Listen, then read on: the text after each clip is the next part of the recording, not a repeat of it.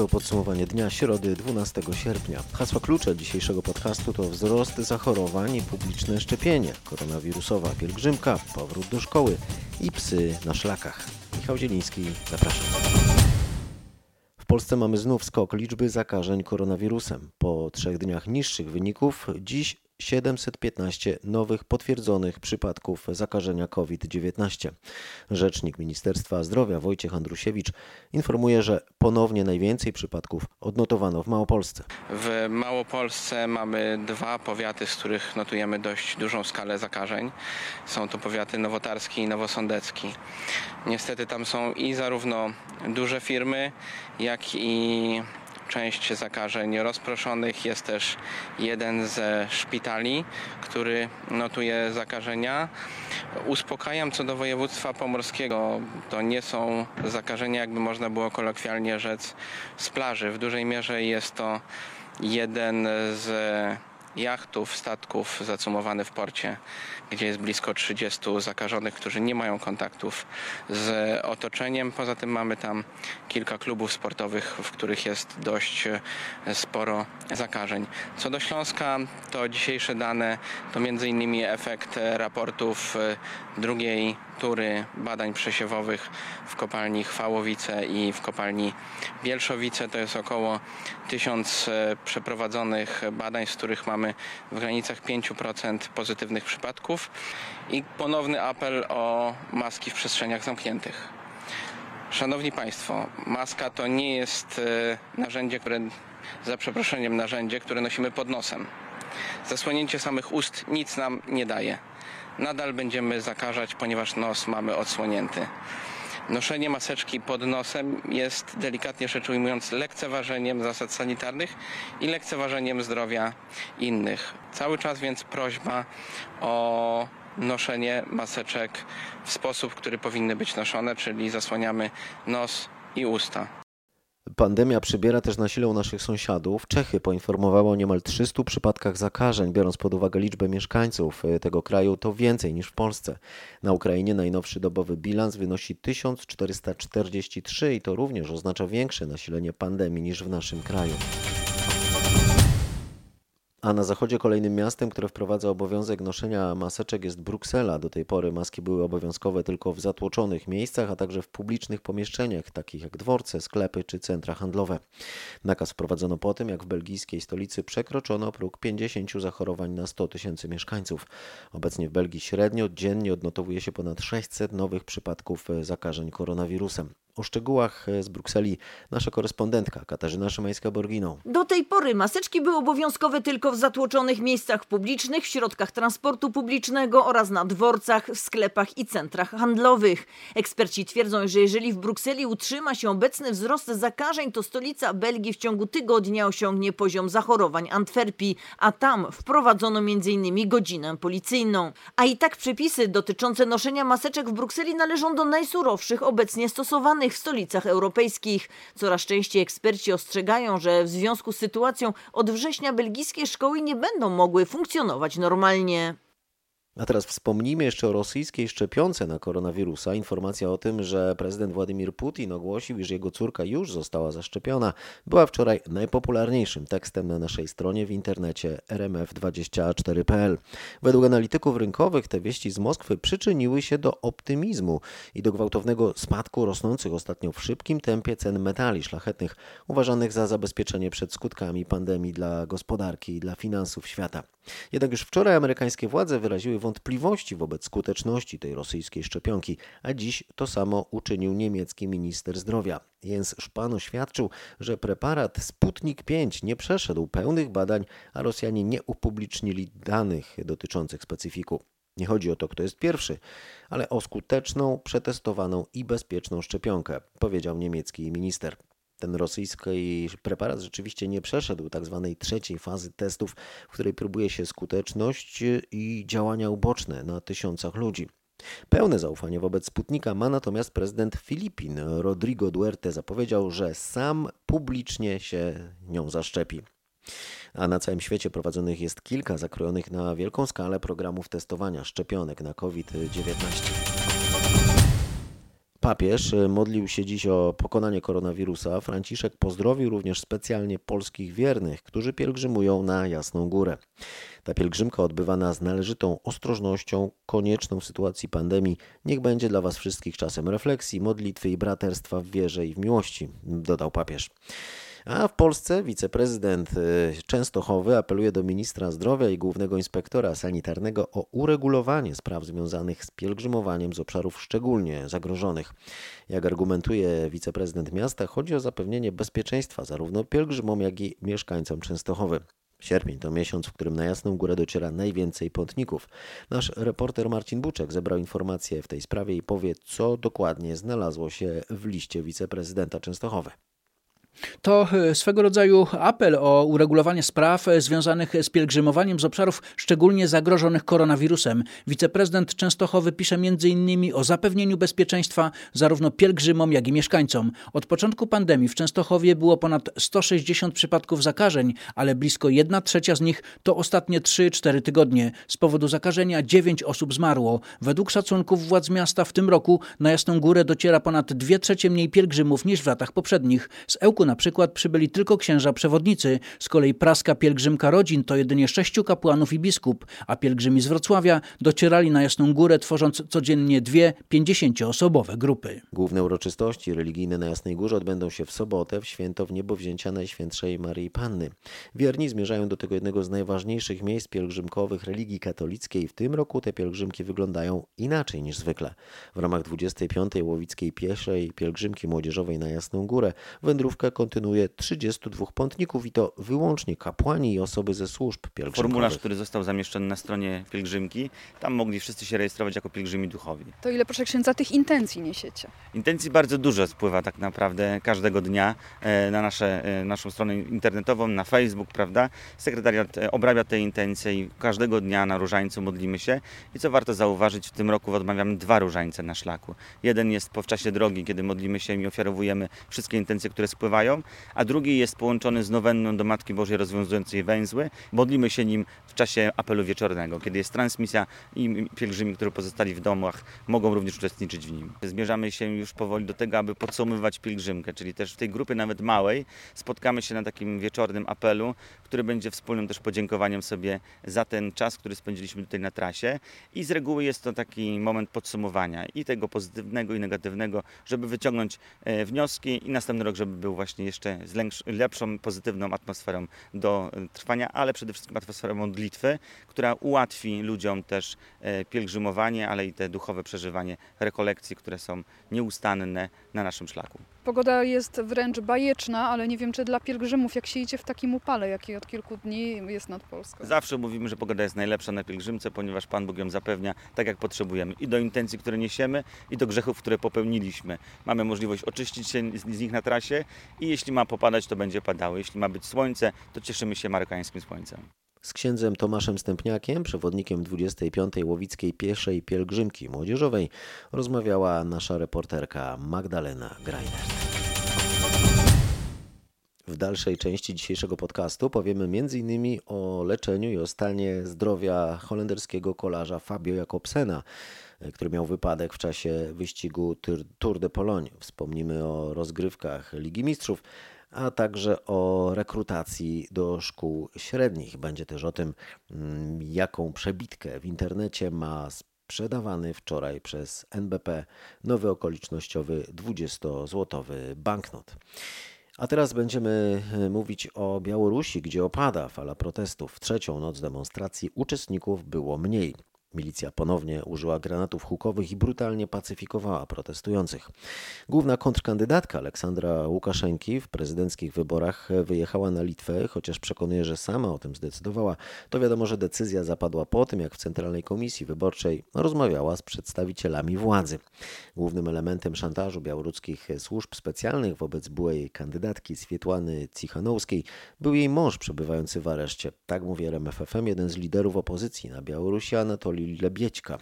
E, władze zmusiły wczoraj Cichanowską do opuszczenia kraju. Krzysztof Zasada, który zajmuje się tą sprawą, powie, czego jeszcze dotyczyły naciski. Poza mężem za kraty trafili także jej współpracownicy ze sztabu wyborczego.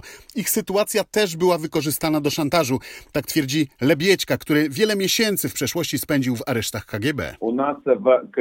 W naszym KGB mamy specjalistów na poziomie światowym, jeśli chodzi o szantaż. Oni są zdolni dosłownie do wszystkiego.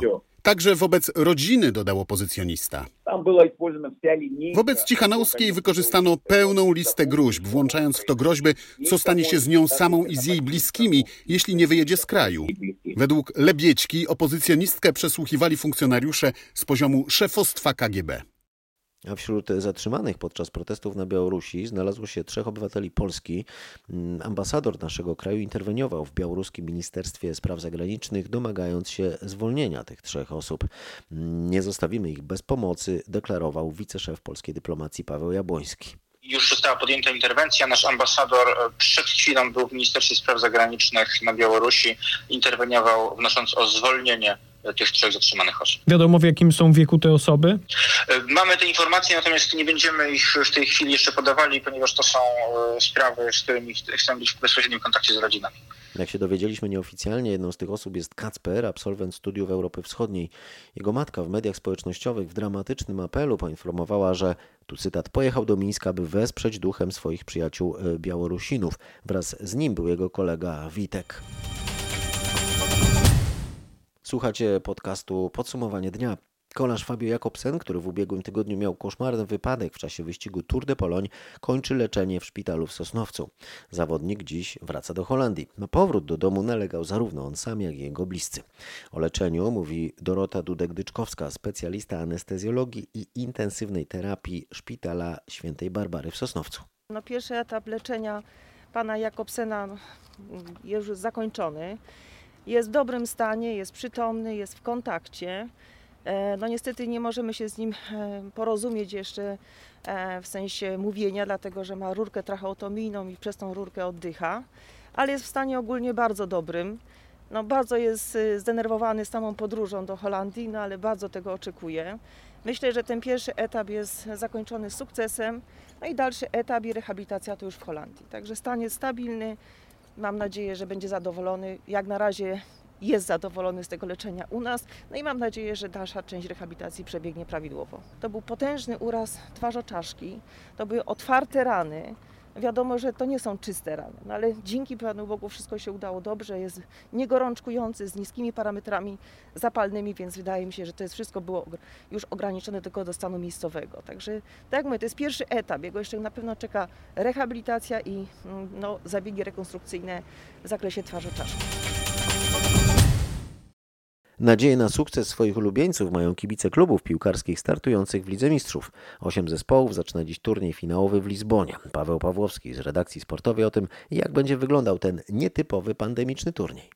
Wszystkie mecze zostaną rozegrane w Lizbonie bez udziału kibiców. To oczywiście wymogi reżimu sanitarnego. O awansie zdecyduje jeden mecz. Rozgrywki trzeba przecież jak najszybciej rozstrzygnąć, bo za tydzień startują eliminacje do kolejnego sezonu.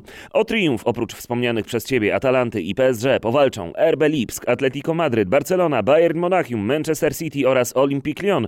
Polskich kibiców najbardziej interesuje zapewne starcie Bayernu Roberta Lewandowskiego z Barceloną. Oba zespoły pokazały ostatnio, że są w wyśmienitej formie i trudno tutaj wskazać faworyta. To spotkanie już w piątek, finał natomiast w niedzielę 23 sierpnia. Portugalczycy czekają przede wszystkim na pieniądze od turystów. Jak wyliczył tamtejszy Instytut Administracji i Marketingu, kibice i inni goście turnieju zamawiający przykład catering mogą zostawić w restauracjach i barach nawet 25 milionów euro. Jak informuje stołeczny dziennik Koreoda Mania, oprócz kibiców do Lizbony przyjedzie ponad 600 członków ekip piłkarskich, 400 dziennikarzy, 200 pracowników telewizji, a także około 1000 tysiąca osób wchodzących w skład ekip organizacyjnych oraz nawet drugie tyle gości zaproszonych przez władze UEFA. Inny dziennik Diario de Noticias przypomina, że w Portugalii udało się opanować pandemię. Liczba zakażeń nie przekracza 200 dziennie, ale obawy wzmaga jednak koronawirus w szeregach Atletico Madryt, które swój mecz na Estadio Dalus ma rozegrać już jutro. Przytłaczająca większość szkół od września wróci do nauczania stacjonarnego na zasadzie kontaktu nauczyciela z uczniem, zapowiada minister edukacji narodowej. Na dwa tygodnie przed pierwszym dzwonkiem resort edukacji razem z Głównym Inspektoratem Sanitarnym przedstawił zasady organizacji zajęć w szkołach, przedszkolach i żłobkach. Nasz reporter Grzegorz Kwolek był na wspólnej konferencji prasowej Ministerstwa i Głównego Inspektoratu Sanitarnego. Czy będą dodatkowe obostrzenia? W powiatach czerwonych nie będzie można organizować szkolnych wycieczek, nie będzie też imprez szkolnych dla więcej niż 50 uczniów. W powiatach żółtych zakazu wycieczek nie będzie, a limit dotyczący imprez będzie wynosił 100 osób. Wszędzie trzeba będzie stosować dodatkowe rygory dotyczące dezynfekcji rąk, wietrzenia klas czy organizacji przerw. Na jedną przerwę będzie wychodziła tylko część tych klas, na inną przerwę druga część rekomendujemy, aby te przerwy y, między lekcjami y, mogły odbywać się na świeżym powietrzu. Mówi zastępca GIS Izabela Kucharska. Uczniowie, których rodziny są na kwarantannie, będą uczyć się zdalnie. Na odległość będą także uczyć się dzieci z klas, w których wystąpią przypadki zakażenia. O organizacji zdalnego nauczania dla całej szkoły albo części klas będą decydować dyrektorzy w porozumieniu z organem prowadzącym i sanepidem. Listy przyjętych do szkół średnich pojawiły się dziś w szkołach i przede wszystkim na elektronicznych kontach uczniów. Od jutra będą mogli przynosić świadectwa i dopełnić tym samym formalności. Nie zawsze wszystko poszło zgodnie z marzeniami, ale będzie dobrze. Zadowolona? No tak, no zadowolona jestem. Tutaj to było to wymarzone, liceum czy nie? To jest drugi wybór. E, Jak to uczniowie zawsze mówią, że pierwsze to jest wymarzone, drugie to jest e, rozsądek, a trzecie to jest koło ratunkowe, tak? Tak, tak. Szósteczka to jest szósteczka. Mamy tutaj sentyment. Do szósteczki tutaj chodziła mama. Także miło wspominamy bardzo szósteczkę i cieszę się, że córka też się dostała. Czyli rodzinnie będzie. Będzie rodzinnie. Czyli nie ma tego złego, tak? Co by na dobre nie wyszło. Było trochę stresu? Tak było, było, no. Strasznie późno w tym roku to wszystko. Tak, no niestety, no. Ale widzisz, jaką radość mama ma, że będziesz chodzić do tego liceum, Widzę. które ona kończyła. Widzę. Będzie fajnie. No mam nadzieję. Po południu do Szczecina miała dotrzeć załoga polskiego jachtu Szarki, uratowanego w nocy na Morzu Północnym. To siedem osób, które przeżyły morską katastrofę na wysokości Cuxhaven. Z kapitanem jednostki rozmawiała nasza reporterka Aneta Łuczkowska. Jak mi powiedział kapitan Cezary Wolski, powtórzyła się historia Titanica. Po wyjściu z kanału kilońskiego Szarki, który jest bardzo szybkim, regatowym jachtem płynął przechylony na lewą burtę. Prawą uderzył w boję na torze wodnym. Boja zdarła około 3 metrów poszycia na burcie poniżej linii wody. To było nie do załatania na pełnym morzu. Załoga opuściła jacht do szalupy ratunkowej. Tuż przed 23 nadała sygnał Mayday. Pół godziny później rozbitków z morza podjęły statki niemieckiej służby SAR. Na pokładzie było czterech mężczyzn i trzy kobiety. Wszyscy są cali i zdrowi. Jacht został wbudowany w Niemczech w latach 70. W 2002 roku przeszedł kapitalny remont i pływa pod polską banderą jako szarki. Okolicznościowy banknot 20-złotowy, który wczoraj można było kupić w placówkach NBP w całym kraju, dziś już trafił na aukcję w internecie. Cena ponad 200 zł, a NBP sprzedawał go za 80. Banknot Bitwa Warszawska 1920 jest pierwszym w historii polskim banknotem w formacie pionowym. No dla większości wartość to, że można od razu sprzedać z dużym zyskiem. Dla mnie osobiście to są już moje kolejne, raczej zostawiam je sobie na kilkanaście lat. Banknoty kolekcjonerskie NBP zawsze są bardzo kolorowe. Pieniądz jest jak gdyby dziełem sztuki, to przyciąga i to jest jak gdyby też to stanowi powtórkę z historii. Na przedniej stronie banknotu przedstawiony został marszałek Józef Piłsudski. Na odwrotnej stronie banknotu jest fragment obrazu przedstawiający księdza Ignacego Skorupkę. Tłumaczy Małgorzata Dobczyńska z NBP. Wyemitowano w sumie 60 tysięcy sztuk tego okolicznościowego banknotu. Spodziewam się, że Mike Pompeo przedstawi oferty na technologię 5G podczas wizyty w Polsce, mówi w rozmowie w samo południe w RMFFM Wanda Buk, wiceminister cyfryzacji. To będzie na pewno jeden z tematów rozmów amerykańskiego sekretarza stanu z polskimi władzami. Stany Zjednoczone aktywnie lobbują przeciwko chińskim dostawcom komponentów do technologii 5G. Z wiceminister cyfryzacji Buk rozmawiał Paweł Balinowski. Dość jasna deklaracja odnośnie zacieśnienia współpracy padła już w ubiegłym roku, została podpisana przez, przez, przez Polskę i Stany Zjednoczone. E, Także tutaj kontynuacji, kontynuacji wytyczonych, wytyczonych wtedy kierunków. Czy to nie jest tak, że Mike Pompeo przyjedzie do Polski i rzuci na stół jakiś pakiet ofert od amerykańskich firm na sprzęt, na oprogramowanie? Nie spodziewam się, nie mam takiej wiedzy. A co jesteśmy dać gotowi Amerykanom za dostęp do ich technologii? Do jakiej technologii? No do technologii 5G. Amerykańskie firmy jasno deklarują, że chciałyby e, tutaj pomóc polskim operatorom w tej technologia, sprawie. Technologia 5G nie została zmonopolizowana przez żadne państwo. Technologia, technologia 5G jest standardem, który został opis, e, opisany przez Międzynarodową Unię Telekomunikacyjną i e, mamy dostawców e, z różnych zakątków świata, którzy, e, którzy produkują sprzęt y, mogący funkcjonować w tej technologii. W sprawie tych różnych zakątków świata, to czy warunkiem, jeżeli już dojdzie do przyznawania polskim operatorom y, częstotliwości na 5G, będzie warunkiem niekorzystanie z chińskich komponentów?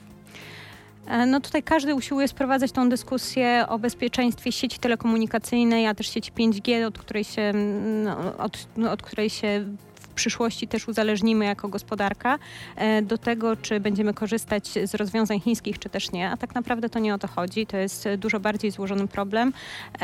My nie planujemy pokazywać palcem żadnego konkretnego dostawcy. My chcemy tak stworzyć e, system cyberbezpieczeństwa, krajowy system e, cyberbezpieczeństwa, żeby zapewnił, żeby zapewnił bezpieczeństwo funkcjonowania tej sieci, która jest kluczowa. Zobaczmy, co się dzieje chociażby na Białorusi w ostatnich dniach. Pojawiają się takie głosy, że być może chińscy przedsiębiorcy przedsiębiorcy trafią na czarną listę w Polsce, jeżeli chodzi o dostarczanie komponentów w ramach dobrej współpracy z Amerykanami, którzy przecież również sami w Chiny uderzają. To znaczy każdy usiłuje to sprowadzić właśnie do tych e, wątków e, geopolitycznych, a przede wszystkim właśnie politycznych. E, teraz szczególnie, bo, ponieważ no, Stany Zjednoczone są w przededniu wyborów, także to jest taki dość, dość gorący temat. A tak jak mówię, z naszego punktu widzenia, z punktu widzenia, z punktu widzenia rządu, ministra cyfryzacji, kluczowe jest to, żeby sieci zapewnić bezpieczeństwo. I Czyli e, czarnej listy nie będzie oficjalnie. Ja, to znaczy jeszcze teraz ciężko mi powiedzieć, jak będzie finalnie to wyglądało, natomiast to nie chodzi o to, żeby wskazać konkretnego dostawcę, tylko żeby wszyscy musieli spełnić te same wymagania, wysokie wymagania dotyczące bezpieczeństwa, tak żebyśmy my jako, my jako rząd mieli pewność, że e, sieć, z której korzystamy, która stała się w ostatnich, e, w ostatnich latach infrastrukturą de facto krytyczną, e, jest bezpieczna z punktu widzenia, z punktu widzenia i naszej gospodarki, i naszych obywateli. To kiedy ruszy na częstotliwości dla 5G. Planowana, planowana, e, planujemy teraz, my planujemy Urząd Komunikacji Elektronicznej, z którym jesteśmy w stałej współpracy. Planuje rozpocząć aukcję po wakacjach. Jak wiemy, mieliśmy już aukcję e, rozpoczętą. Po tych wakacjach? Tak, tak, tak. Bo y, wcześniej wydaje mi się, że mówiła Pani nawet o przyszłym roku. O... Nie, nie, nie. To myślę, że to jest kwestia y, złe, złej interpretacji, bo aukcja chwilę trwa, kiedy ona się rozpocznie i kiedy zakończy. Okay. E, także y, rozpoczęcie, rozpoczęcie aukcji, czy w ogóle całego postępowania wymaga przede wszystkim skonsultowania dokumentacji, e, dokumentacji aukcyjnej. To są wszystko takie procesy ściśle opisane w prawie, nawet e, w prawie, w prawie unijnym, ile one muszą trwać, ile e, operatorzy muszą mieć czas no to na zostawmy te przepisy ofert. na chwilę za sobą właśnie. Ile operatorzy, tak. kiedy kiedy będą mogli składać oferty i kiedy wy będziecie mieli już je w kopertach na stole, żeby móc je sprawdzać? W mojej, w mojej, ocenie, w mojej ocenie może rozstrzygnięciem, bo myślę, że to jest kluczowe. Tam ciężko, ciężko powiedzieć teraz, kiedy, który konkretnie, e, który konkretnie etap całej aukcji się zadzieje, ale należy spodziewać się rozstrzygnięcia aukcji, czyli przyznania częstotliwości w pierwszym kwartale 2021 roku. W podsumowaniu dnia jeszcze jedna informacja. W Tatry ze względu na ochronę przyrody nie wolno wprowadzać psów. Jednak w ostatnim czasie w sieci pojawiły się filmiki pokazujące czworonogi chociażby na zawracie, gdzie szlak jest na tyle trudny i eksponowany, że zainstalowane są sztuczne ułatwienia dla turystów, czyli łańcuchy i klamry. Te psy zostały sprowadzone z zawratu przez jednego z ratowników Topru i pracowników Tatrzańskiego Parku Narodowego. No ale jak mówi Bogusława Filar, z parku coraz częściej trzeba sprowadzać psy z takich trudnych i niebezpiecznych dla nich miejsc. Ja osobiście spotkałam się tylko w jednym rejonie, rejonie hali gąsienicowej Kuźnic z czterema przypadkami psów w ostatnich właściwie dwóch tygodniach. Najczęściej otrzymujemy informacje od turystów, że gdzieś taki pies y, wędruje lub też sami e, spotykamy psy na szlakach, e, jak jesteśmy w pracy, głównie tutaj służby terenowe. Trzeba takiego psa sprowadzić. Te pieski miały obroże lub miały odciśnięte na szyi znak po obroży, więc świadczy to o tym, że, że się zerwały, że komuś uciekły. Najprawdopodobniej z jakichś okolicznych tutaj podtaczańskich miejscowości. W poprzednich latach zdarzało się, że to turyści zabierali napotkane po drodze psy, choćby na Giewont czy nawet y, na Rysy. A kiedy robiło się trudniej, po prostu je tam zostawiali. Jak było w tym przypadku, tego nie wiadomo. Ważne, że zwierzęta są już bezpieczne. To wszystko w dzisiejszym podsumowaniu dnia. Dziękuję za uwagę. Do usłyszenia. Zachęcam do słuchania i do subskrybowania.